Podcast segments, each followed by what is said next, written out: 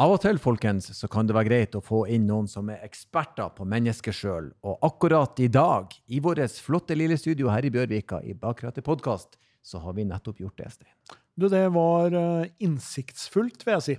Det vil jeg så absolutt si. Dagens gjest er veldig glad i å kjøre bil, men ikke så glad i bilen. Nei, og til tross for at han er en uh, akademisk fyr, så har han aldri tatt et bevisst bilvalg. Og han lar seg fascinere av de som faktisk vasker bilen sin innvendig. Folkens, dagens gjest er Peder Kjøs. Han er altså kjendispsykolog, podkaster og TV-personlighet. Og han har et lettere avmålt forhold til bilstein. Jeg vil si at uh, det var avslappet, ja. Det er faktisk første gangen vi ikke har klart å lokke entusiasten ut av en ganske avmålt bileier. Men Stein, praten ble bra, den ble innsiktsfull, og vet du hva? Av og til så må man få den sida av samtalen også. Og for en uh, rolig fyr.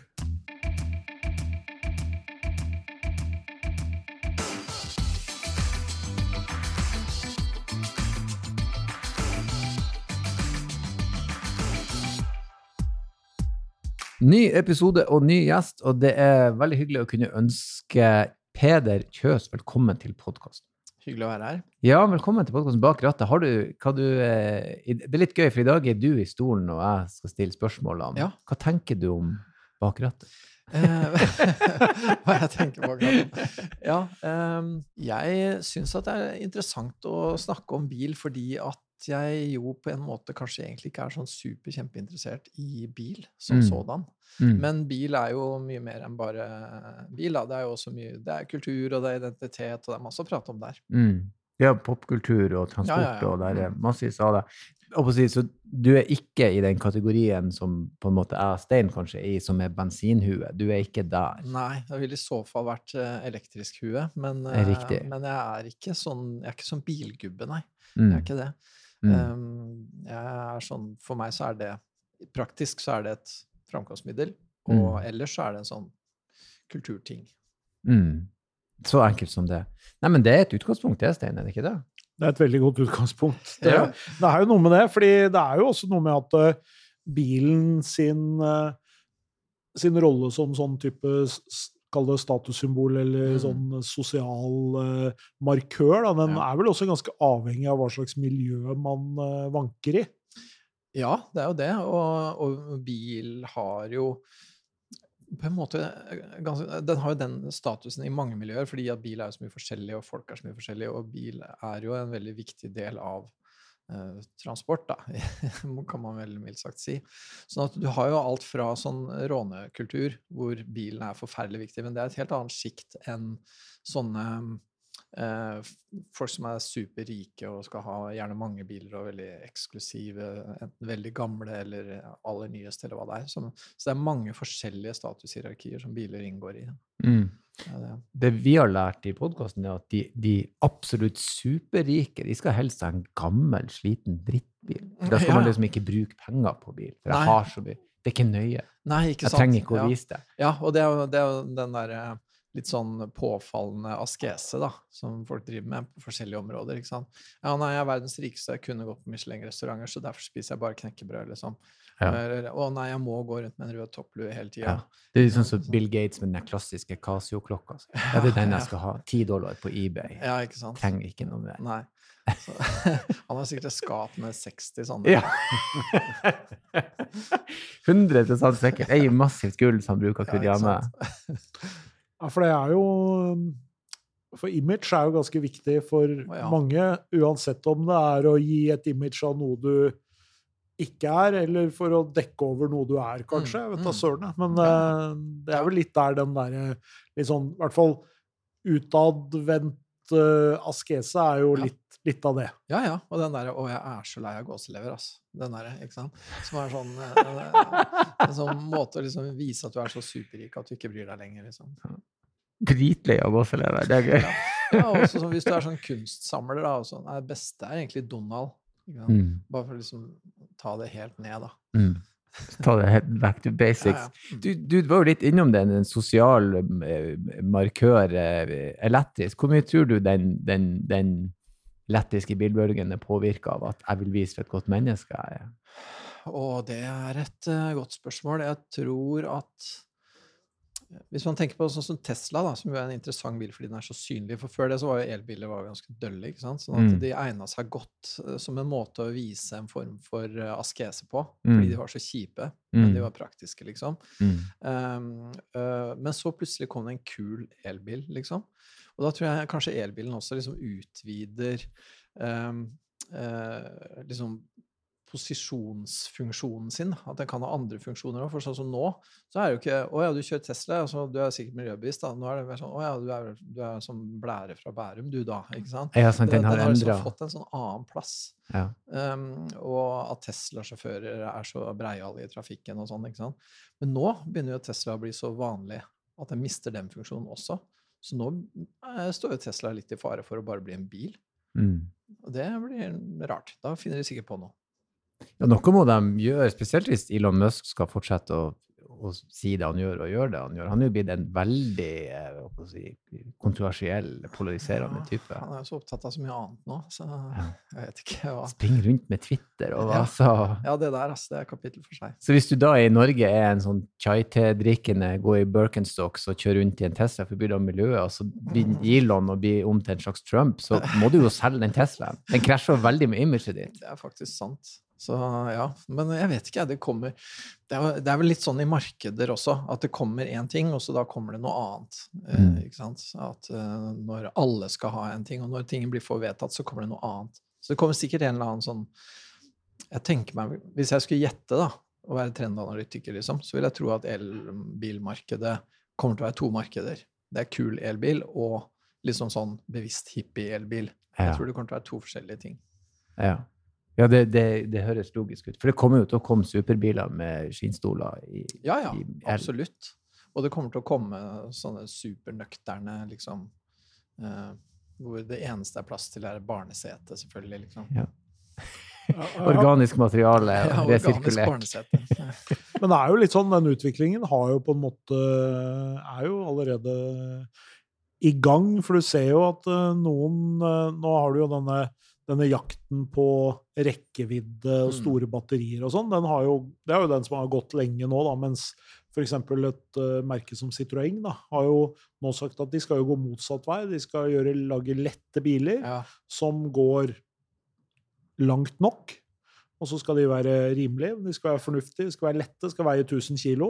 Skal ikke veie 2,2 tonn, som, Mm. uh, som det gjør. Og, og det er nok, så den, den der differensieringa er Mm. nok i ferd med å skje. Men det er klart, i Norge så har vi vært langt foran lenge. fordi vi har så mye penger, ikke sant? Ja, fordi vi har Mm. penger og, og, og, Mm. og både råd og vilje til å gjøre den endringen, da. Mm, mm. Men eh, etter hvert så blir det jo sånn at eh, det er jo en hel masse mennesker som ikke kan kjøpe elbil til 800 000. Ja, ja, ja. De, de trenger å kjøpe noe som Ja, ikke sant? De trenger å kjøpe noe som koster 300, eller Ja, ja. 250, eller Ja, 200. Mm. Så, så det blir veldig spennende å se hvordan det der utvikler seg. kommer nok til å bli differensiering. Det ligger jo litt i markedets lov, det. Mm. Ja. Og, og sånne at, Ja, selvfølgelig, det, det er et godt poeng det der at noen kommer til å ville ha sånn som du kan kjøre til Bergen. Uh, og så kommer det til å være sånn innafor bompengeringen-biler. Mm. Sånne bybiler, da. Som jo mange steder i verden så er det jo sånn at familier har én ordentlig bil og én innendørs, holdt jeg på å si. Ja. Innbysbil, liksom. Mm. Men jeg synes det er interessant, for du, du sa jo at du, du har ikke noe forhold til bil. Det, det å være opptatt av bil er jo en veldig sånn eh, hva skal jeg si, manneting. da. Det er Mm. liksom dette er det jeg er opptatt av, jeg liker det. Men det er jo er også et ganske så likt bevisst valg å være jeg er ikke noe interessert. For meg er det ikke det, altså. Det er bare at eh, Jeg tror det har med familiekultur å gjøre litt. Mm. At i min eller, Faren min var ikke spesielt opptatt av bil. eh, Folk var ikke det rundt meg, liksom. Mm. Så jeg er jo fra Sarpsborg, da, som jo er Du vet, småbyene er jo veldig bilorienterte. Uh, Men jeg var liksom ikke i noe sånn miljø hvor det var så innmari viktig og sånn. Så, Mm. så jeg hadde sånn herre Uh, eh, Polo og det, den typen biler, liksom. Mm. Eh, Jeg var ikke noe opptatt av sånne svære greier. Det, var det første bilen din, en Polo? Første bilen min var det en Fiesta. Ah, gode, gamle. Ja, den var 1,1 fin, ja. liter. Ja, Superfornøyd. Overtok den etter mora mi. Ja. Strålende fornøyd. Jeg hadde det kjempefint med den. Funka som snus, den bilen der. Altså. ja, ja. Ja, for, nei, man skal ikke kimse av Fiesta. Vi- Jeg kjørte selv rundt en sånn i ungdomstida. En venn Ja. av meg hadde som vi Ja. alle lånte litt. Ja, ja, ja. Så det var, nei, det var en grom nok bil, det. Ja, ja, ja, det var mer enn nok for meg. Men eh, så har jeg jo liksom seinere da kommet uh, borti Jeg holdt på å si gifta meg inn i en bilfamilie. Ah. Uh, eh, Svigerfaren min og svogeren min de er sånne bilgubber. da. Mm. Så de er sånn som bytter bil ofte, og, og de, de vasker bilen innvendig og sånn. Så- Sa han og ristet. Bare ristet på hodet. Jeg elsker at det er markøren din. Er de vaska bilen innvendig? Ja, det gjør jeg ikke, ass. det, det er veldig gøy. Det er gærne folk. Ah, for noen nerder. Hvem som gidder å gjøre det? nei, det? det er ikke nerd eller sånn. Jeg, jeg, jeg synes jo de, har, de, de er veldig sånn De setter pris på det, de gleder seg over det. Så jeg, Mm. har, jeg har veldig sånn sansen for det. Og de kjøper sånne der, eh, sånn setepolish-greier, og de er liksom veldig opptatt av de tinga der. Eh, og jeg ser jo verdien i det. Jeg ser Mm. hva det er, og jeg skjønner. Og jeg, som, jeg syns ja, ja, det, ok, det her er finere enn det, liksom. Jeg kan se distinksjonene. Mm. Men det betyr ikke noe emosjonelt for meg i det hele Mm. tatt. Men du sa det litt sånn, du, ikke fra en bilinteressert familie, men var dere sånn, dro dere på bilferie Ja, ja. og den slags type ting? Fatter'n er fra Vestlandet. Mm. Og vi bodde i Sarpsborg, da, så vi kjørte for Ford Granadaen da, over uh, Strynefjellet. Mm. Og det var langt, og det, jeg likte det, da. Jeg likte de bilturene. Det jeg likte spesielt, var å kjøre hjem eh, og seint på natta og kvelden, kjøre nedover motorveier med sånn gult lys som det var den gangen. Og så sitte og Egentlig burde sovet, men sitte og se på bylysa her, liksom. Mm. Eh, og også selvfølgelig turen over Strynefjellet er fantastisk. Mm. Så jeg, så jeg er liksom glad i det. Jeg er glad i bilturer, liksom. Mm. Men, eh, men da er det turen, på en måte. Ja, kontra bilen. Ja, jeg sitter ikke da liksom Å, disse skinnsetene. Det er ikke Det er mer liksom bylysa, ja. Mm. Men bil er, og bil er jo en veldig sånn eh, Det er en veldig sånn lukket arena, da. ja Så det er jo. Mm. mange som sier det at de beste samtalene har de i bilen. Ja, ja. Og kanskje også et bra sted for å ta opp ting som man trenger å snakke om, men Mm. uh, hvor det ikke er så lett å gå ut på kjøkkenet eller, uh, eller gjøre noe annet. ja og nå, nå for tida så er det ikke sånn at eh, jeg kjører så mye lange turer, men når jeg gjør det, og når kona mi og jeg eksempel, hvis vi er på en lengre tur, så får vi jo prata veldig bra og veldig ordentlig. Så det er fint, det. Det er Mm. veldig fint. Mm. Så, og, og også det å være på sånn ordentlig biltur med venner og sånt. det er Innmari koselig. Mm. Eh, Jeg spiller i et band, og vi kjørte eh, Vi leide oss en bil og så kjørte eh, fra Oslo til eh, Odda. Da er vi jo liksom mange i en bil, og det er utrolig kult. Mm. Ja. Men da er, det, da er det også sånn Jeg husker ikke hvilken merkebil det Nei, var. da- Mm. Men det er noe med den eh, Som sagt, det er noe med det at du, du sitter der inne, og så, Mm. og så får man hele tiden inntrykk utenfra som Mm. setter i gang eh, samtaler om eh, Mm. Et hus med en rar fasade, eller ja. noen som går langs veien, liksom. Ja, og sånn Å, her har jeg aldri vært, også, men jeg har vært her. Og, og også det der at du kan stoppe hvor du vil. Du kan stoppe ved Seljordsvannet og liksom Ja. Mm. alt det der, da. Ja, roadtrip er uten tvil veldig kult. Roadtrip er kult. veldig bra. Det er et bra Det- konsept. Ja. Så jeg har tenkt på det. eh, Det, det er jo ikke så mye norske roadmovies, liksom. For roadmovie er jo et ja. Eh, fenomen. Amerikanerne sin Ja, og jeg tenker et land må jo være en viss størrelse for at det skal kunne ha en road movie. eh, ja. En kort roadmovie, hvis du sånn. Du Eh, er ja. på en og en halv dag. ja, altså, liksom, det er begrensa hvor eksistensiell biltur du får hatt i Norge. For du kommer liksom fram før du kommer til sakens kjerne. Snu og turné igjen før du er kommet til noen konklusjon. Ja, ja, det er jo de der burning-filmene og sånn, Ja. men, Mm. men det er liksom noe annet igjen. Mm. Der er, det om, det, der er det vel om å gjøre å kjøre så fort og være så lite eksistensiell i praten som mulig, tror jeg. Så, Ja, jeg tror det er det motsatte av eh, eksistensiell. Det Ja. har sin underholdningsverdi bevares, Ja. men det er noe ja, annet. det er ikke Thelman Louise, liksom. Nei, det, det er det ikke. Eh, Men, men eh, Sarpsborg, der er jo en, en, en rånekultur. Der. Absolutt, det var det på min tid i hvert fall, på 80-tallet. Mm. Det er det sikkert fortsatt. Mm.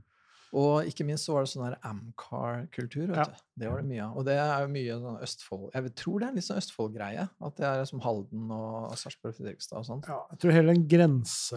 Ja, jeg hørte, det er veldig svenskrelatert. Ja, det er det. vet du. Ja. Jeg hørte, jeg tror det var Levi Henriksen eller noe sånt. Jeg hørte, Han, han snakka en del om det der, og han sa at det, det der å være så nærme Sverige, da Altså. Idet du liksom var nærme Sverige, så var du på en måte nærme USA. på en Ja, ja, måte, ja. For det var liksom, det var utlandet, og Ja. Da var du på en måte over. Fordi at svenskene hadde jo biler eh, mens det ennå var bilrasjonering i Norge etter krigen. Mm. Så at den- hele den bilkulturen har mye med Sverige å gjøre, og den raggarkulturen. da. Ja. Ragger og råner. Og sånn som den derre rånegreia nå, den derre Rådebank, Ja. Ja. som er jo kjempebra, ikke sant? Mm. Um, men det er jo veldig svenskinspirert, da, det miljøet. Helt åpenbart. Mm. Ja, alt fra musikk til, uh, Ja, de, og de kaller seg jo til og med sånn Ja, de kaller seg rånere, da, men det er også raggar er Ja. begrep, og det er jo svensk, eller egentlig engelsk, da. Og det er jo en sånn Men det handler jo Den rånekulturen handler jo også om tilhørighet og Mm. identitet, liksom. Ja, og vennskap, og det er statushierarkier, og det er eh, sånn eh, kompetanse, da. For den gangen så skrudde man jo på biler, ikke sant. Det er jo ikke så lett lenger. Så Da skal du være usedvanlig dyktig hvis du ja, hvis du skal begynne å skru nå, så bør du helst ha litt skolegang, ja. helst ikke gjøre noen ting som helst. Elektronikkutdannelse. Mm. Ja, ja. Egentlig ikke gjøre noen ting. Men uh, rånekulturen holder jo litt fast på de der mekaniske bilene, da. Mm. Og det er vel nettopp derfor. Mm. Um, tenkte deg det, råne, jeg tenkte deg liksom en i Rådebank som kjører elbil. Ja. Det skjer ikke. Men det Nei. første, nei, men det, det må jo lage det nok sesonger. Så må du jo ende der til slutt. ja, ikke Ikke sikkert, altså, for de kjører jo sånne 50-talls, eh, 50- og 60-tallsbiler, så vi har jo litt å gå på, liksom. Ja, det, ja, og sånn sett, eh, noe av det Det fins, tror jeg, det fins sånne elbiler som har sånn eh, lyd. Ja. Så Ja da. det er teit, altså. Det er veldig, veldig teit. Tesla har det. Har de det? Ja. Du kan også lage prompelyd med Tesla. Ja, men det er mye bedre. Ja, det er bedre enn en fake motorlyd. Ja. For det, det blir bare tøv. Ja, og Det det, samme på elektriske motorsykler også. ikke? Mm. For på motorsykler så er jo lyden en så stor del av det, men det er det jo for bil òg, fordi de der V8-folka, liksom. Mm. Ja, motorsykkelen er, det, det er lyd. Lyd og, og, og, og lukt. Ja. Eh, jeg, eh, hvis jeg skulle hatt en motorsykkel nå, så hadde jeg kjøpt en elsykkel. ass. Ja, du burde vente noen år til. Rekkevidden Ja, per nå er ganske Man bør Ikke sikkert du skal så langt. Ja. Ja, det spørs jo, Nei, det er det. Jeg skal nok ikke så langt. Skal litt rundt på Bislett og cruise ned Grünerløkka, så er det rundt igjen. Ja, ja noe sånt. Ut på Svartskog og bade. Ja, kanskje. Ja, men da kan du gå for en eh, Hva det er de, den, den Harleyen sin, den L-Harleyen med grei rekkevidde koster vel 370 Hvis det er 80 000. L-Harley. Ja. Og de er jo er, på å si, den essensielle lyd mekanisk motorsykkel Det er varemerket deres. Ja. Dette skrangler, Ja, ja, bryter sammen, lager lyd og lukter. Mm. Og så var de først ute med, med en elektrisk. Ja. Så på den elektriske så er det en egen liten sånn flaske under, så det drypper olje ned Ja, på det asfalten. må alltid dryppe være litt olje. Mm. Nei, han blir han, han, det er sikkert en hydraulikkolje som leker fra han. Kjenner jeg Harley rett? Nei, men, det, men du, det, det, det viser jo bare at de, de må på sin tida går fremover. Det blir, det blir som en sånn vinyl. Siste bølge med vinyl. Hun må være på tur ut nå. Mm, Ja, vi får se. Jeg tror ikke ungene mine blir hamstre vinyl, som jeg gjorde for noen år siden. Det kan Mine, hende. mine barn fikk vinyl til jul. Gjorde de? Ja, ja, Det kommer igjen, det, vet du. Ja.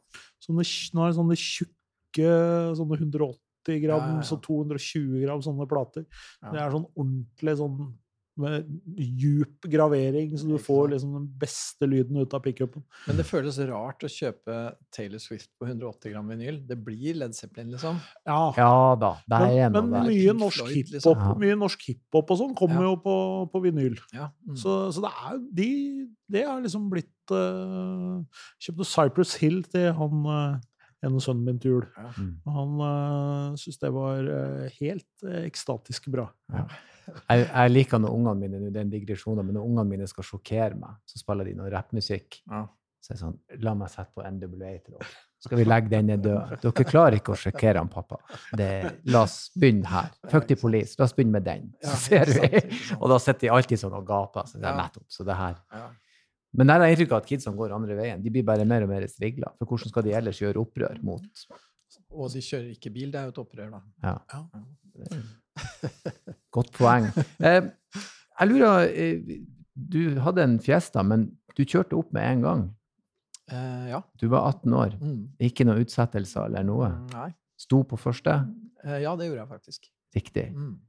Det, men det var liksom ut av behovet, for du bodde i Sarpsborg, og der må man nesten ha bil. Ja, ja, det var det. Eh, Men også fordi det- var- det var ikke noe spørsmål, på en måte. Det var ikke noe sånn 'Å, skal jeg ta lappen?' Det var ikke noe vurdering. Det, det gjorde man, på en måte. Mm. Jeg tror ikke jeg kjente noen som ikke gjorde det. Hvis de ikke gjorde det, så var det noe rart, liksom. Mm. Ja, jeg kommer ikke på noen jeg vet om som ikke gjorde det. Mm. Den lå der, til tross for Ja. Men eh, eh, den Fiestaen, var det en, en såkalt arvebil, eller var det noe du gikk til? Det var mor di sin? det var, ja, så jeg er sånn kjøpte, overtok, delt Ja, det var Mm. ikke, jeg betalte vel ikke fælt mye. Hun ble enige om en eller annen sum som jeg ikke helt betalte, tror jeg. Ja, sånn som det bruker å være. Sånn det pleier å være. Eh, Hva var den første bilen der du faktisk tok et bevisst valg at denne vil jeg ha, dette er for meg? Har aldri gjort. Har du ikke det? Nei. Aldri gjort det? Det har bare blitt sånn, Ja. liksom? Det er litt imponerende, det også. Ja, det er fint, det. Det er jo Men det er nok litt sånn eh, Der er det nok ganske stor forskjell på folk, da. Ja, ja. Prøvekjørte du før du kjøpte? Nei. Nei, ikke sant? Hvorfor det, liksom? Nei, nei, nei.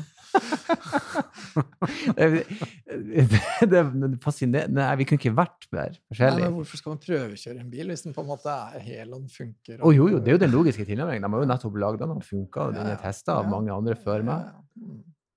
Ja, det er for så vidt riktig. Nei, eh, Bruker eh, lite tid på å spekulere på hva slags bil du skal ha. Jeg bruker ikke tid på det. Nei. Bra, mm. da har du ledig tid der. ja. Ja, det er eh, Selv om jeg kanskje aner eh, svaret, men er du teknisk anlagt når det kommer til bil? Hvor, hvor går grensa for hva du gjør sjøl på bilen? Eh, nei, nå gjør jeg jo ingenting, for biler nå kan man ikke gjøre noe med. Og jeg har ikke noe sånn veldig glede av det ellers. Jeg gjør ikke noen ting, egentlig. Mm. Så jeg får dekka skifta, liksom. Mm. Eh, så eh, Men jeg er ikke så verst på det tekniske. Jeg hadde en motorsykkel i en periode. En Mm. En gammel eh, veteransykkel fra 50-tallet. Og da eh, eh, Jeg kunne mekke litt fra før, men da utvida jeg det ganske mye. Så, så jeg er ikke sånn helt eh, lost med skiftenøkkelen, altså, Mm. egentlig. Eller fastnøkkel, som vi sier, da. Mm. Eh, så ehm, eh, jeg klarer å finne veien rundt. Men Mm. jeg, gjør, jeg gjorde det litt av nødvendighet, og, og så syns jeg det var gøy. Men Mm. nå når det ikke er nødvendig, så gjør jeg det ikke. Mm. Hva, hva slags motorsykkel du anskaffa deg? Det var en AJS. Ja, eh, riktig. Engelsk. eh, Ja. Veldig, veldig fin. 500 watt, holdt jeg på å si. 500 kubikk. Eh, Ensylindra. Så den lagde veldig fin lyd. Mm. Men der har du litt lidenskap når det er motorsykkel? Jeg hadde, jeg, jeg har jo ikke motorsykkel nå, eh, Mm. men jeg syns motorsykkel er kult. Og jeg syns i hvert fall det var veldig kult den gangen. Mm. Og så sa du, vi snakka litt her på forhånd, at du har liksom kanskje en mer sånn estetisk tilnærming Mm. til, eh, til biler og motorsykler. Ja, ja. Hva er det du liker med Hva skal vi si Med, med det med utseende og Er det utseende og utstråling? Er det image? Er det alt, liksom? Eh, Ja, det det noen, noen biler er litt sånn ikoniske, da. Sånn eh, at de er klassiske, eh, fine sånn ja, liksom Enkle eksempler er liksom uh, Rolls-Royce, liksom. Ikke? Sånne, ja, sånne klassiske, fine biler som er god design, liksom, og som er tidstypiske for sin periode, og som liksom utstråler en eller annen form for liksom eh, Ja, den derre Ja, det er som møbler, da, ikke sant? Jeg liker møbler òg. Så Mm, ehm, og, og lamper og sånn. Design. Det er Ja. kult. Um, og det jeg liker da, er på en måte den derre Når det liksom er uh, vel balansert, og det er fine linjer, og det er pent, liksom. Så, som jeg liker, da. Så det trenger ikke være svært eller rått eller tøft, eller noe sånt. Det er ikke det. det er, men det skal være liksom fint, da. Hva er den vakreste bilen du vet om? da? Hvis du skulle tenke på noe? Jeg Nei. vet ikke helt. Altså. Jeg har ikke noe sånn veldig, veldig Men er du, er du sånn, liker du det slankt og elegant, Ja, eller? jeg liker. Hvis- jeg skulle liksom trekke fram noe merke da, som Ja. jeg ofte syns er fint, så jeg syns Jaguar er et kult merke. Mm. Um, for de der um, linjene, særlig de som Ikke de aller nyeste, men de som er litt grann eldre. Ja. Fra sånn, jeg vet ikke, 2000-ish, liksom. Ja, ja. Eller noe sånt. Ja. De er veldig fine, for de ser klassisk uh, reine ut. Og så har de de der veldig klassiske fargene. og Sånn der, heter det ikke British Racing Green? Da? Mm. Ja, Mm. det Fet farge. Ja. Um, som jeg vurderer å ha på frontene på kjøkkenet mitt. Men uh, Ja, det syns jeg du skal ha. ja, det er Det så kult. det er kult. absolutt. Det er en veldig fin farge. Ja. Eh, og, og det er også da den der grønnfargen, også liksom lyse skinnseter og, og detaljer i tre og sånn, syns jeg er kult. Ja. Mm. Jeg er jo veldig glad i sånn uh, sen 60 inn på 70-tallsestetikk, da, som har sånne veldig sånne smale krumlister, for eksempel, som bare er sånn hvor alt er sånn Det er så elegant og Ja. tynt og lett. da, Vi har snakka Mm. om det før. Mm. eh, Alt fra en eh, en, en sånn BMW 3.0 CS til en uh, rekordkupé, liksom. Hvor Mm. det bare ting er sånn det, det ser sånn Det ser så enkelt ut, da. Ja, det, ja Mm. nettopp. Og jeg syns det er mye finere enn hvis du går litt lenger tilbake til sånn 50-talls, de der svære, breie 50-60-tallsbilene. Mm. Som jeg egentlig ikke aldri egentlig har hatt noe sånn veldig sans for. Det blir jo sånn Ja, men slutt, da. Liksom, hvorfor skal du ha tre kubikk eh, eh, bagasjerom, liksom? Ja. Ja da, jeg, jeg, er enig. Så er det sånn her, ja, hvorfor skal, hvorfor skal, være, hvorfor skal bilen være så lang, liksom? Men, men. Mm. Og der er mye fint. Jeg, jeg, den Triumph TR3 eller TR4 nå, jeg kunne tenkt meg Det britisk. mye, Ja, det er en britisk, veldig erkebritisk Ja. sportsbil, toseter. Ja, ja, ja. Litt lang snute, kort ræv, Mm. eh, raka rør. Enkle. Altså håndvalsa panser. Er liksom sånn, Sånn syns jeg er kult. Og så liker jeg det ingeniørmessige med det, at det liksom er tenkt, da. mm. Så da jeg var eh, mest opptatt av det med motorsykkel, så drev jeg og leste sånn herre eh, historien til AJS-fabrikken. De som starta det, og hvordan de holdt på, og så hvordan de ble utkonkurrert av japanerne til slutt. liksom hele der, for det er, det er mye historie. Mm. Mye industrihistorie og designhistorie. Og det er jo interessant uansett. Mm. Det, det er interessant om det så gjelder tannbørster, liksom. Men, men sånn, eh, sånn mer faglig sett, da, for, for, for din del, liksom, hva eh, Sikkert kanskje et altfor stort spørsmål, da, men hva er, det som gjør, hva er det med oss som gjør at vi er så opptatt av ting? Eller hvorfor, hvorfor ting er så viktig for, viktig for oss? da? Hvorfor, Mm. hvorfor, er, hvorfor er det liksom sånn at jeg, jeg drømmer om å ha den bilen stående utafor huset mitt? Ikke nødvendigvis fordi jeg skal kjøre med den, bare Mm. fordi at jeg åpner døra, og den står der, og jeg vet at den er min, Mm. og at jeg kan og, og jeg liker hvordan den ser ut. Jeg liker hvordan den får meg til å se ut. da. Ja, ja, ikke sant. Og, og liksom det litt sånn enkle svaret som folk vil protestere litt på, da, er at det handler om status og statushierarkier og plassering. Du vil ha et, du vil jo ha et selvbilde, og selvbildet handler veldig ofte om hvor du er i et eller annet hierarki. ikke sant? At du er en sånn fyr og ikke en sånn fyr som er litt lavere, liksom. Og så signaliserer du det på forskjellige måter, da, med klær og allting. Um, og når folk reagerer på at man sier at det handler om status, så er det fordi at det er jo ikke en Eller i hvert fall ideelt sett, da, så skal det ikke være en bevisst manøver, liksom. Jeg velger den, for da ser jeg rik ut. Det er jo bare teit, ikke sant. Mm. Mm. Men smaken din forandrer seg faktisk. Det er jo, det er jo Bourdieu sitt store poeng, ikke sant? det der med eh, habitus. At du har visse levemåter, da, eller visse habituser, liksom, hvor, som former smaken din. At en som liksom bor i eh, et sånt hus og har sånn bil, liker det. Det er ikke, jeg har kjøpt det for å se kul ut. Det er ikke sånn. Men de som er lavere i hierarkiet, tror det. Og det er en måte de drar vedkommende ned på. ikke sant? Og han vil bare virke kul. Men uh, han er kulere enn deg, faktisk. Han har bedre smak enn deg. Sorry, liksom. Så nå er den, nå er den hatt, hatt veldig suksess siste året, reist rundt på turné og tjent masse penger og sånn. Ja. Så vil også smaken hans Ja, forandre seg etter hvert som han får mer penger. ja, men så vil det jo også virke Du vil liksom virke ekte og autentisk, og sånn, så derfor så holder du fast på noen ting som du likte før. ikke sant? Så derfor, og Da gjør det seg alltid Hvis, hvis du liksom har blitt kjemperik og vellykka, sånn, så er det kult med tatoveringer som du tok i en annen livsfase. Ble det meg plutselig det skulle dreie seg om? Elsker denne podkasten. og det er også kult med den her eh, gamle råtne Casio-klokka, da. Mm. For at, ja, men det er meg, liksom. Jeg er ikke en sånn Ja, jeg har blitt rik, men jeg begynner ikke å gå med jåleklokka av den grunn, fordi at jeg er så autentisk. Jeg er meg, da. Ikke sant? Mm. Men eh, Bill Gates, de, de bor ikke på 60 kvadrat, liksom. Nei. Han kan godt hende han har en Casio, men han bor jo i et palass. Selvfølgelig. Ja og det er ikke fordi at han skal breie seg, det er fordi at han liker det. Ja. Og jeg er sikker på at han føler det akkurat like mye som vi andre føler at vi liker det vi liker. Mm. Det er ikke noe sånn tilgjort. det er ikke noe sånn her, Så er derfor jeg tenker på at det er status, men det er også en dyp og ekte følelse. Mm.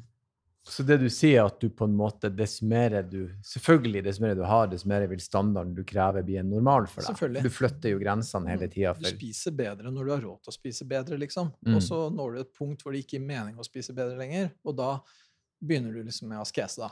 Ja, Men- for da skal du bare spise sånn, for eksempel. Ja. Ja. Og Fordi da kan du som- velge jeg vil, bare, jeg vil bare spise rødt kjøtt, jeg. For jeg skal ikke spise noe annet. Ja. Eller, altså, for du med får litt jo salt og olje på, liksom. Ja. Altså, ja. Der er også litt interessant, for i, i, i, i Norge så har vi en sånn her er- Ja, vi skal alle ha det samme, vi er sosialister, men vi er ikke i nærheten av det. Vi er jo bortskjemte oljepuppunger som har fått Ja, hva vi vil de siste Ja. årene. Mm.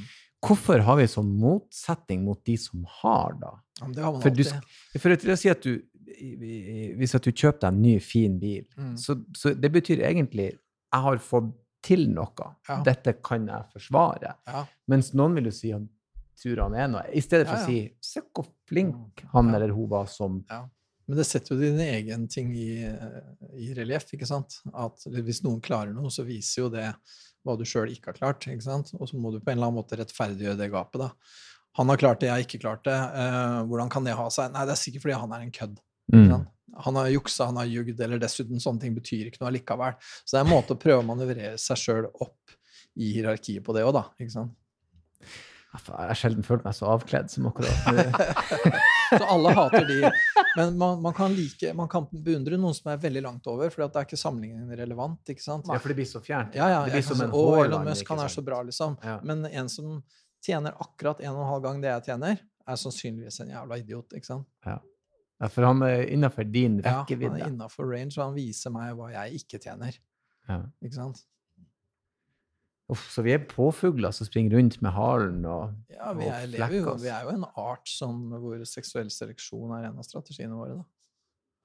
mm, Vi trenger jo å vise fram hva vi er verdt. Mm. Og bilen er en del av det, tenker du. Ja, så klart. Ja. Men ikke sånn at liksom, å, jeg kjøper den bilen jeg, for det liker damene. Det er ikke sånn. Noen tenker sånn, men det er rart, liksom. De fleste kjøper det fordi de liker det, og ved hva du faktisk liker helt på ordentlig, så viser du damene hva slags kar du er. Eller mennene, da, alt ettersom. Men en ting som jeg syns er ufattelig interessant, eh, og jeg la merke til det eh, eh, eh, eh, Veldig lang historie kort, så broren min eh, forfatteren, har gitt ut ei bok, og så skulle det være bokbad. Og så var det flere forfattere der. Og så så jeg de er alle samme uniform, bare små variasjoner. Ja, de har sånne høyhalsa halser. Ja. Samme jakka med liksom patcher på, litt sånn Ja. gøye joggesko. Ja. Vi kjørte samme type kjøretøy, samme Ja, type ja. I i Bodø så vi uttrykt meglerbil. Det er en X5, en BMW. Sant? Okay, Ja. Eh, eh, for det har de alle. Og det er litt, men hva er det som gjør at vi, vi ikler oss den uniformen der? Det er jo litt interessant. Ja, det, er jo det som blir referanseramma, de som er litt like oss sjøl. Både det at smaken må påvirkes av de vi omgås, det gjør det jo.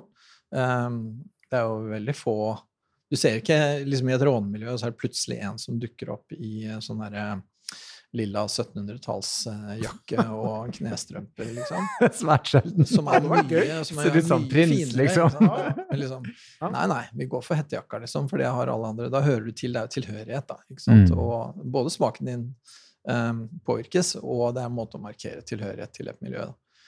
Ser på, hvis du ser på en vanlig metal-konsert, så er det veldig få Britney Spears-T-skjorter. liksom. Mm. Og den ene som har det, gjør det for å være kontrær, og det er kult, og det er innafor det òg. Så Mm. det er bare en sånn ekstra fiffig måte å være innafor på. Så det blir bil også en del av at Ja, her men det er du ikke ser på en metal-konsert, er en fyr som går med sånn der eh, Chevy-T-skjorte. Det ser du ikke. nei. Nei, du må helst ha noe slipknot eller noe etter Ja, det. et eller annet. Ja, helst ikke Slipknot, vil jeg si, da, men ah, ja. det være Mayhem eller noe. Ja, ja da, jo da, du har rett. Det, eh, slipknot blir ikke hardt nok. Nei. Jeg syns han burde beholde seg i Stone Sour, der han sang ordentlig, men eh, nå sklir vi ut. Nei, Men, jo, men da kan vi spørre om uh, Du er musiker også, i tillegg, Ja. ikke sant? ja, det er interessant. jeg vil ikke kalle det musiker. Jeg, Du spiller i band. Jeg spiller i et band, ja. Men hva Ja, det er spiller? musiker. Jeg spiller kontrabass. Mm. er tøft. Sånt, eh, det er sånn slags bluegrass, punk, Ja. eh, death polka-band. bluegrass, punk, death polka? Den typen, ja. Wow. Um, hva slags musikk hører du på i bilen?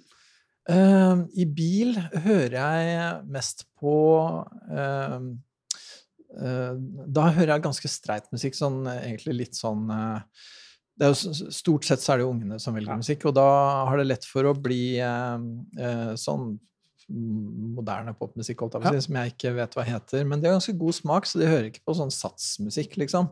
Eh, Men det er utrolig mye kul musikk du, som ungene hører på. ja, Jeg vet Og- akkurat hva du mener med satsmusikk. Ja, helt forferdelig. Det, det er jo viktig ikke til å holde ut. Men Ja. ungene mine har ganske god musikksmak. Og, uh, så det, det er en del sånn uh, rapp og sånn. Sånn uh, 90-tallsrapp og det aller nyeste greiene. Mm. Men hvis det er jeg som setter på musikken i bilen Jeg liker jo egentlig godt å høre klassisk musikk, men i bil så hører jeg mest på jazz, egentlig. Fordi klassisk musikk er så dynamisk. Så blir det enten altfor høyt eller for lavt fordi bilen bråker. ikke sant? Så da må du høre musikk som, har, eh, som er mye mer innafor samme volum hele tida. Og da Ja. blir det jazz. Riktig. Jeg bare gjorde meg et lite notat i, i margen her til vi skal prøve å gjette bilen din. Så det er bare Ja, ja. unnskyld. Carry on. Ja, men uh, får du plass til kontrabassen i bilen? Faktisk. Ja, Med det- litt uh, Litt justering. virking. Ja. Noterer det også. Men du, du slår meg jo som en eh, reflektert og avbalansert eh, mann. Hvordan er du i humøret når du kjører bil? Er du en som Um, kan eh, la deg rive med? Det, kan du ty til road rage? Eh, nei, aldri. Aldri? Nei, det skjer ikke. Eh, og jeg kjører ikke for fort, og jeg har det veldig sjelden travelt. Jeg kan bli stressa hvis jeg har dårlig tid. Det er den mest eh, emosjonelle reaksjonen jeg har på bilkjøring. Og så er det at jeg liker det, da, å kjøre bil. Jeg koser meg. Hvis, hvis, det er, hvis man kjører eh, over fjell eller langs fjorden, eller et eller annet så Mm. syns jeg det er pent, liksom. Og da koser jeg meg. Men da er det jo mer turen enn akkurat kjøring. Ja, for det kan være en naturopplevelse også. Absolutt. Fint, eh, fine omgivelser. Men Men Men- du lar deg ikke irritere av at du må stoppe for å lade, f.eks., eller? Du, du bare det, Nei, det er jo bare det, det vet jeg jo. Det er ikke noe å irritere seg over det. Det er som å irritere seg over å måtte spise, liksom. Men kan du forklare meg hvordan klarer du å ikke bli For det er jo så mye idioter å kjøre bil. Altså, det er jo Ja, folk er som gjør sinnssyke ting. Ja, som bare kutter inn fremfor deg uten å svinge, og det er farlig, og det er fart og alt. Jeg, jeg har en mer emosjonell ikke- tilnærming. Ja, de så meg vel ikke da, eller de skulle fram, eller de tenkte ikke på det. De satt og fikla med kassettspilleren, holdt jeg på å si. Det gjør du vel neppe, men Peder er et større menneske enn oss. Ja, det tror jeg vi får slå fast. Veldig tror, jeg, tror det er bare det at jeg ikke engasjerer meg så mye i det. Jeg, Mm. jeg tenker, Ja, ja, herregud. Det er, for det er, det er en litt sånn klassiker, da. Det er at jeg skal fram, alle andre er trafikk. Mm. Eh, Men vet du hva? Du er også trafikk. Og ja, så verden dreier ikke rundt meg? What?! Har hun mamma tatt feil alle disse årene? Alle de andre syns at du er trafikk. Ja, det er for så vidt et eh, godt poeng. Ja, det er det, og jeg tenker man må tenke sånn, da. Alle har sine ærender, og de er like legitime som mine. Noen har til og med mye mer legitime ærender enn meg. Um, Så det er ikke noe det er ikke noe å mase med. Jeg kan irritere meg dagevis over noen som gjorde noe mot meg i trafikken. Ja. I dagevis. Nei, det, Du kan jeg er ved kjøkkenbordet og kjenne sånn Dæven, han steike, han Ja. der. Men det er nok kanskje rett og slett en diagnose. Det Det kan vi høre med Peder òg, for det, det kan hende kan behandles. vet Du må begynne å slippe det. Slippe, slippe sinnet. Ikke sant. Ja, jeg tenker jo jeg tenker jo du har det bedre, og du kommer like fort fram hvis du ikke har det. da. Hvis du bare tenker at ja, ja, ok, denne personen skulle vel dit eller datt, da. Skulle vel til høyre, da. Ja vel. Du høres ut som kona mi, og hun har rett, og du har rett. Så jeg tror også det er derfor jeg tviholder på det. Men du er uh, Mye mulig. Så kan hun kjøre, da. vet du. Det er jo, for det er nesten alltid menn som kjører. Ja. Hvorfor det? Ja, hvorfor det? Det har vi òg diskutert hjemme ja. hos oss. For Ja. kona mi jeg, det, vi, vi, vi har begynt sammen og, og fulgte mønsteret. Jeg kjørte bil i mange år. Så skulle jeg ut og reise, og så skulle hun kjøre til foreldrene sine. Og da ville ikke hun kjøre, for det var så lenge siden. Ja. Og da sa jeg til at nå må vi aktivt bytte på å kjøre, Ja, ja, sånn at du faktisk er i stand til å fortsette å kjøre. Ja, Det er veldig rart at mannen tar styringa. Ja, ja. Kona mi er veldig glad i å kjøre bil. Mm. Uh, så, men når vi er ute og kjører, så er det ofte jeg som kjører, og så sovner hun, da. For hun uh, liker å sove. Men Mm. hvis vi ikke skravler, da, selvfølgelig. Det gjør vi også. Men, uh, men det har lett for å bli det mønsteret, altså. At det er menn som kjører. Nesten alltid. Veldig, veldig Er det bare et resultat av sånn tradisjonell kjønnsrollemønster, Ja, ja. liksom? Ja. Mm, jeg tenker det er det. Og så er det nok kanskje jeg tror kanskje, hvis, man spør folk om de liker å kjøre bil, så vil nok flere menn rate det høyere enn det damer vil. Men det er også mange damer som liker godt å kjøre bil. Og Jeg husker sånn, eh, ja, du vet, på sånn 60-70-tallet og sånn, så var det jo en sånn eh, veldig viktig del av det med feminisme og likestilling og sånn, det var også å skaffe seg lappen. At damer kunne kjøre sjøl, liksom. Mm. Det var jo fantastisk viktig. Mm. Ikke være avhengig av å bli transportert rundt. Mm. Ja, Du ser er bare hva det betyr i, i de landene i dag som nekter damer å kjøre bil. For en, for en sånn prinsipiell greie det blir. Selvfølgelig skal de gjøre det, men Ja, det er sånn, nei, nei, det skal de ikke gjøre. Nei, Det er jo veldig sånn maktting. Jeg begrenser hvor du beveger deg, og hva du gjør. Ja, ja, ikke sant. Og damer er jo jevnt over uh, flinkere til å kjøre også, hvis man ser på uh, statistikk ja. ulykkesstatistikk og sånn. Uh, Jeg oppdaget her at min farmor tok uh, lappen på 30-tallet. ja, Og da var det nok ikke, var ikke så mange damer som kjørte bil. Det det. Det, Det, er- det, rått. Det var nok ikke så vanlig.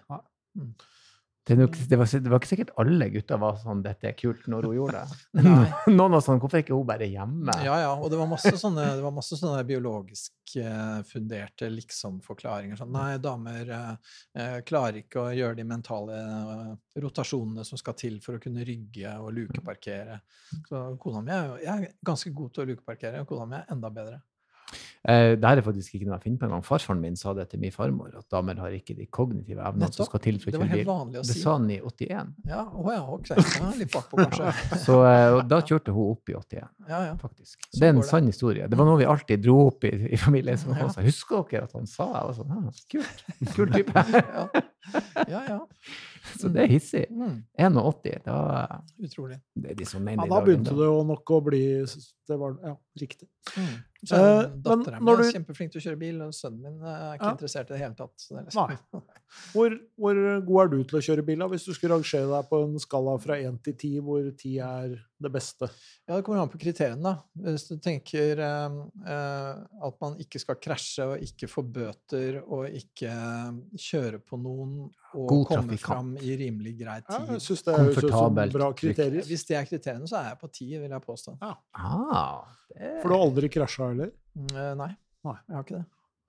Jeg har én gang uh, eh, kjørt utafor veien, men det ble ikke noe krasj ut av det. Nei. Det var bare å dra den opp igjen. Uh, og, og så har jeg aldri Nei, jeg har aldri krasja. Deilig, da. Ja, og jeg har fått én fartsbot en gang, men det var fordi jeg trodde det var 60 et sted det var 50. Så da kjørte jeg i sånn 61 km i timen. Så. det er ikke den hissigste overtredelsen. Har aldri krasja? Nei. Ja. Det er bra. Nei, men veldig klink tier der, altså. Klink tier. Ja, nei, jeg må jo si at det, det er ingen rom for forbedring. Eh, Du Nei, deg litt. Ja, nei, jeg må tenke på det. fordi at En annen veldig viktig del av det er jo på en måte å være en sånn trafikant som ikke går sånne trafikanter som deg altfor mye på nervene. Det vil si at jeg liksom holder meg noenlunde til regler. Ikke gjør sånne rare manøvrer at det er andre som redder meg hele tida. Liksom. Så jeg må jo tenke er det det at andre redder meg, liksom? Men jeg tror ikke det. altså. mm. Klink tier, det er for all del. Aktpågivende.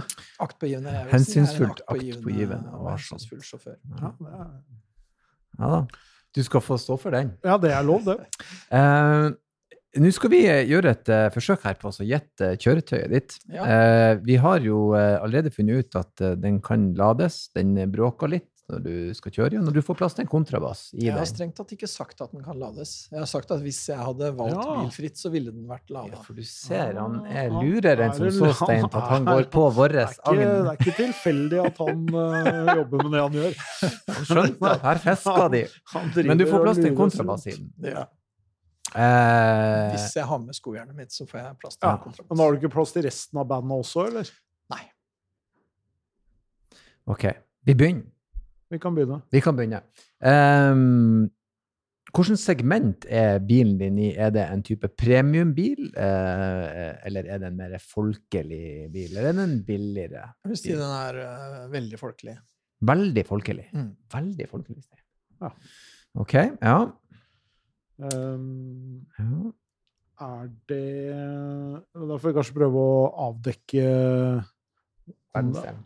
Hva sa du? Finner du hvor den er fra? Ja. Vi kan spørre om det. Hvilken verdensdel kommer den fra? Den er fra den er europeisk. Den er europeisk. Mm. En folkelig europeer. Jeg går jo inn i Skådaland. Kan være en eh, Kan jo være en Peugeot også. Kan ikke det? Ja, det kan være Det Det kan kan fortsatt være, være ganske mange varianter her, egentlig, Erlend. Fikk vi drivlinje? Drivlinje, er det da en eh, bensin, eh, altså er det fossil, el eller en kombinasjon av begge, altså en hybrid? Den er helfossil. Hel fossil. Mm. Ikke kjempestor, eh, i og med at han må bruke skojernet til kontrabassen. Mm. Eh, så det er ikke noen sånn kassebil, liksom. Det er en eh, kanskje en hva slags, ja, er- hva slags type bil er det? Er det en stasjonsvogn, eller en, eller en kombibil, eller en Ja. stor sedan? Jeg vil vel tenke at du vil kalle det en kombibil, kanskje? Ja. Kombikupeen, ja. ja. En europeer med kombi som er helt fossil. Den er folkelig. Ja. Uh, nei, vi er jo bare på Hvis vi er i Europa, så får vi prøve å finne land, kanskje. Da er det en tysk eller en fransk bil. Uh, nei. Ikke sant? Er den uh, svensk eller britisk? Nei. Tsjekkisk? Jopp. Ja. Skål, da, vet du. ja. Du er god, Erlend. En Fabia. Nei, den er større enn du får ikke en eh, du får ikke, Scout. Det er ikke, det, det er ikke en Det er ikke en Superb, for den er stor, og det er en stasjonsvogn. ja, og den har ikke, ikke Octavia vil ha- Ja, det kan jo være en Octavia, Kan være Octavia. kombi, da. Har hatt Octavia. Men Ja, det har det, men det er ikke nå. Ikke Octavia. Det er, vi, er, vi er nært nå her, syns Ja, det er det, altså. altså. er flink. Altså, da er det Er det en sub? Vil du kalle det det? det. Nei, du vil ikke det. Jeg vil si, er ikke det en Fabia, da? Nei, den er altfor liten. Er den for liten Fabia? Den er litt liten. Ja, det er litt liten, ja. Kunne være en Yeti. Det kunne Jo. Ja, Yes, en. Yeti. Okay. Jeg hadde den der i stad, men jeg Ja. turte liksom ikke å gå all in. Vi er, vi er, litt, vi er litt rustne på gjetting av bil, tydeligvis. Ja, ja da. tydeligvis. Ja da. Men uh, Skoda Yeti med en gang hvis det var en eller annen sånn eh, Nei, Jaguar-greie. Hvorfor en Yeti, da? Hvorfor det? Ja. Den er, eh, det er en bil som er overtatt etter uh, min svigermor. Å ja. Så hun skulle kvitte seg med den, så sa du 'jeg tar den'? Jeg sa ikke det. Familien ble enige om at vi tok den. Ja, riktig. Hvilken er farge? Den er sånn vinrødaktig. Vi, vi selvfølgelig vi. Altså, jeg, jeg skjønner nå svaret på spørsmålet tidligere. Det gjør jeg. Ja da. Jeg, jeg, men jeg må jo også si at Yetien har et visst hipster-ish utseende over seg. Det er en veldig praktisk bil. Den Det er det. ser gøy ut. Ja da, og den Eh, er fin å kjøre. Man ja. sitter Ja. veldig sånn høyt og fint, og så er den eh, ganske sånn Den er kort, så den er lett å parkere nesten hvor som helst. Mm. Og den er, den er veldig, veldig praktisk. Boxy og fin. Boxy og fin, og den er bedre plass inni enn det den ser ut til. Mm. Ja, det vil jeg tro. Det vil jeg tro. Jeg faktisk eh, eh, la merke til den når den kom, og Mm. syntes den var et litt sånn friskt eh, pust Ja, utseendemessig. designmessig så ser den eh, ut som litt annerledes, egentlig litt ålreit. Mm. Det, det her kan jo bli eh, interessant, da, for eh, vi har jo også ei spalte som vi kaller for eh, si, fritt valg. da. Altså, Scenarioet er ganske enkelt. Du, eh, den Eurojackpot-potta den går inn eh, på en eh, fredag, og du høvler inn 853 millioner Oi. rett på konto. Det var ikke lite. Eh, det er veldig mye penger. Eh, og du kan da eh, Altså, hvilken drømmebil går du? Altså, penger er ingen option. Du kan velge hva enn du vil, og inntil tre kjøretøy. Hva går du for? Du kan velge motorsykkel hvis du vil, men bil og Ja. Hva hadde du gått for hvis penger ikke var noe spørsmål? Eh, Da jeg hadde kjøpt eh, Du vet den derre eh, Teslaen som ikke er den svære, men den som er et hakk mindre? En S? S, ja. Mm. Det hadde jeg kjøpt. Ja. En sånn. Det kan du gjøre i dag, vet du. Du trenger ikke å Nei, jeg vet det. Men du sa penger kan ikke. Ja, men kommer- funker. Men Jetin funka. Så du hadde ja. gått for en S. Ja, så vi kjører med Jetin til den eh, ikke kjører lenger. Og så er planen kanskje å tenke på å muligens kjøpe en sånn en. Og 480 millioner ville ikke forandra den planen. Mm. Da har du andre ting å bruke pengene på. Kanskje kjøpt meg, Hvis jeg skulle hatt et bikjøretøy, så hadde jeg kanskje kjøpt en hoppestokk eller eh, eh, årskort på trikken. Også sånn eh, bysykkelabonnement. Den dagen du kommer ned løkka på en hoppestokk, så jeg kommer til å bli så glad. Bare jeg har løst transportproblematikken. Det er jo en fantastisk løsning. Har du prøvd det? Eh, ja, så vidt. Det er, det er egentlig litt vanskelig. Har jeg har aldri tort det? Det er utrolig tungt. Det må være skummelt. Ja, ja. Det er det. Jeg anbefaler buss på litt lengre turer. Men ja, er spesielt, altså. Du, jeg tenker når vi først har fagfolk på besøk, så må vi jo snakke litt grann om hva skal vi si, det å, å kjøre bil. Fordi nå er jo vi skjønt enige om at alle vi liker å kjøre bil, Mm. men det fins jo en del som ikke er så glad i å kjøre bil, og som Ja. har en, en frykt, eller rett og slett bare ikke trives med det. Mm. Hva Litt sånn hva, hva, hva Det er vanskelig å si hva det skyldes, men hva kan man gjøre? Mm. Nei, de to typene liksom bilrelaterte problemer som jeg har vært borti som terapeut, da, da handler det stort sett om eh, at folk er redde for tunneler, som er eh, Ja. en sånn klaustrofobisk eh, greie. Mm. Og så er det litt sånn OCD, litt sånn at man er redd for å dulte borti noe eller komme borti noe og skade, gjerne redd for å skade andre folk, sånne, sånne ting. Og på begge de to tinga så er eh, det egentlig Man må på en måte prøve å snakke ordentlig om hva dette er, og om det har noen dypere betydning av et eller annet slag og sånn, noe det noen ganger har, men ofte så er det jo bare et spørsmål om eh, en fornuftig form for eksponering, da. eh, over litt tid og sånn. Ja. Som man da selvfølgelig må være motivert for og legge litt arbeid i, men som på ingen måte er umulig. Stort sett så er det egentlig håndterbart, da. Mm. Ja, for jeg tror det der er litt sånn større problematikk enn folk er klar over. Vi har hatt flere gjester som har snakka åpent om at de hadde på et tidspunkt problemer, eller hadde et problem der og da med å kjøre Ja, bil, og rett og slett det knøt seg, de fikk ikke til, og de var redde, rett og slett. Men de hadde på et tidspunkt, også ga det seg. Ja, Ja, og noen hadde eh, oppsøkt aktivt hjelp, da, og jeg tror det er ganske mange som ikke tar tak i det, men det er absolutt noe som Det er som- håndterbart. Mm. Jeg tenker hvis, hvis du har det problemet, så lar det seg løse uten at du trenger euro-jackpot eh, til Ja. eh, å betale for det. det, det er fullt mulig. Ja. For det er, det er jo litt sånn relatert sånn til flyskrekk, eller Akkurat samme. Ja. Mm.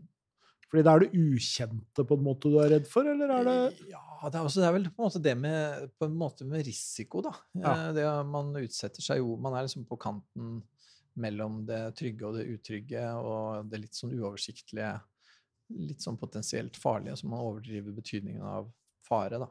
Selv om faren er jo reell, det er jo kjempefarlig egentlig, på en måte, å Mm. kjøre bil. Uh, selv om statistisk sett så er det ikke så, egentlig så innmari farlig. Så Mm. jeg vet ikke, er det farligere uh, ja, ja, nå er det jo Heldigvis er det jo sånn at det er jo stadig færre som blir drept i trafikken uh, i Norge. og i de fleste andre land, vil jeg tro. Så, så det er jo mye mindre farlig enn det var. Eh, så ja. ja, jeg vet ikke. Det er rett og slett ikke så innmari farlig. Men sånne objektive fakta, det hjelper jo ikke. Hvis du krasjer, så hjelper det ikke hvor få andre som krasjer. Ja, Edderkopper er jo heller ikke farlig i Norge i all hovedsak, men det er jo Nei. en del som er ganske redd allikevel. Ja, ja. Og i andre land så går det fint an å dø av det, liksom. Men det er jo litt interessant å så prøve å snu på flisa, som vi sier, eh, eh, hva som gjør at folk Men hvorfor tror du at folk, eh, de aller fleste, uavhengig om de har et forhold til bil eller ei, er glad i å kjøre bil? Hva Ja. kommer det Ja, av? det er også et godt spørsmål. Jeg, jeg tror det har noe med liksom autonomien, friheten, det å bevege seg, det å komme fort og greit et sted. Også ikke minst det med det autonome i det. For jeg er egentlig jeg er veldig glad i å ta uh, tog. Um, så jeg er ikke så glad i å ta buss, rett og slett fordi jeg syns det er litt ukomfortabelt. Mm. Og så eh, liker jeg godt å kjøre bil fordi at man kan stoppe på veien, og man kan ta uh, svinge innom her og der, og det er liksom veldig sånn Jeg liker det. da. Så, uh, så kjøre fra Oslo til Trondheim, for eksempel, er kjempefint. ikke sant? Mm. Men da vil du gjerne stoppe, eller da kan du gjerne stoppe underveis. Vi er en sånn familie som bruker lang tid, ja. Det er ikke sånn at øh, Ja, jeg kjørte på bare sju timer. Vet. Vi er ikke der i det hele tatt. Det er sånn her, Nei, vi koste oss skikkelig. Vi Mm. kom aldri fram, liksom. Vi Mm. stopper på alle bensinstasjonene. og- Mm. For jeg får jo panikk av at vi skal stoppe på Prøysenhuset, liksom, når vi kjører til Sunnmøre. For det er jo ikke til Prøysenhuset vi skal, vi skal Nei. til Sunnmøre. Ja, ja, Ja. ja. Nei, sånn kjører ikke vi, da. Nei. Det er mer sånn Oi, se på den, vi stopper. Ja, Det- men det, Min det er- kone hadde likt å kjøre med deg kontra meg, tror jeg. Vi har, I vår familie har vi òg en sånn eh, at eh, ferien starter når vi setter oss i bilen. Mm, Da er vi allerede på ferie. Så Ja, ja. da, eh, enig. når vi er fremme, det Jeg er helt enig, det er ikke så viktig, og det er veldig sjelden at vi har sånne rene transportetapper. Og så vi liker godt å være på ferie i Italia, og da leier vi jo bil, ikke sant. Og hvis du er i Italia og du har leid en bil, og da å se på em, veien fra den ene fantastiske byen til den andre Hvis man ser på det som transport, mm. da går man jo glipp av temmelig mye, da. Men, her, men her er du inne på noe veldig essensielt igjen med det med å være et bensinhue. Du drar til Italia. De er kjent for fine veier, Mm. fine omgivelser. Mm. Du, du, du, du leier vel ikke en, en, en på å si, Skådilek eh, i Italia? For å se Nei, på men da leier jeg en bil som har plass til koffertene våre. Det vil Ja. stort sett si en ganske stor bil. Og så ehm, merker hvilket det blir og sånn, det er ikke viktig. Mm. Så du er ikke den som gjerne vil ha den opplevelsen i en italiensk Nei, sportsbil? nei, nei, for jeg har ikke det forholdet at liksom, tenk så fett å kjøre den bilen av det. Jeg har Mm. ikke det forholdet til det. Så derfor er det viktigere for meg hvis bilen er eh, romslig og god, og den har plass til koffertene, Mm. så er jeg happy. Og om da heter ditt eller datt, det er det samme for meg. Men for så vidt, det, det, er jo den samme gjennom frontruta, uansett hvor du kjører. Så Ja da, jo, og biler av den typen er jo stort sett gode å kjøre også, og behagelige og fine, så det er jo liksom ikke noe mm. Det er ikke noe tema sånn, egentlig. Drar dere ofte på bilferie? da? Nei, ja, ofte, ofte. Det med Italia har nesten vært vi har, vi har vært der en del, da. Så det Mm. blir, men det blir liksom sånn en sånn tur i året, stort sett, liksom. Det har vært litt annerledes nå med korona, da, men da hadde vi en lang biltur i Norge. Det var veldig flott. Mm. Så, men datteren min ville gjerne øvelseskjøre, da. Så hun øvelseskjørte Atlanterhavsveien. det var veldig kult. Ja, Så hun kjørte timevis, ikke sant. det var kjempegreier. ja, det var, det var ordentlig, ordentlig morsomt. Mm. Så um, ja, så vi, vi drar på, jeg vet ikke jeg, kanskje gjennomsnitt halvannen lang biltur i året, kanskje da. Mm. Jeg liker òg den der. Det er, det er fint. Fin måte å både se og oppleve og tilbringe tid i lag på. Det er det. Eh, absolutt. Peder, det var utrolig hyggelig at du kom og besøkte oss. Takk det samme. Hyggelig å være her. Snakka litt om bil. Og jeg skal avslutte som jeg alltid gjør, med å si takk for besøket og kjør forsiktig. Det gjør jeg alltid.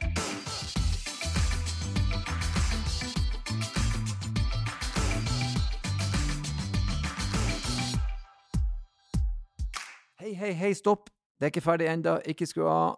Det er bare jeg som hiver meg på og ber dere om følgende. Hvis dere vil ha gjester, hvis dere vil komme med kommentarer, hvis dere har spørsmål, bruk endelig vår e-postadresse som er bakrattet.bos.no.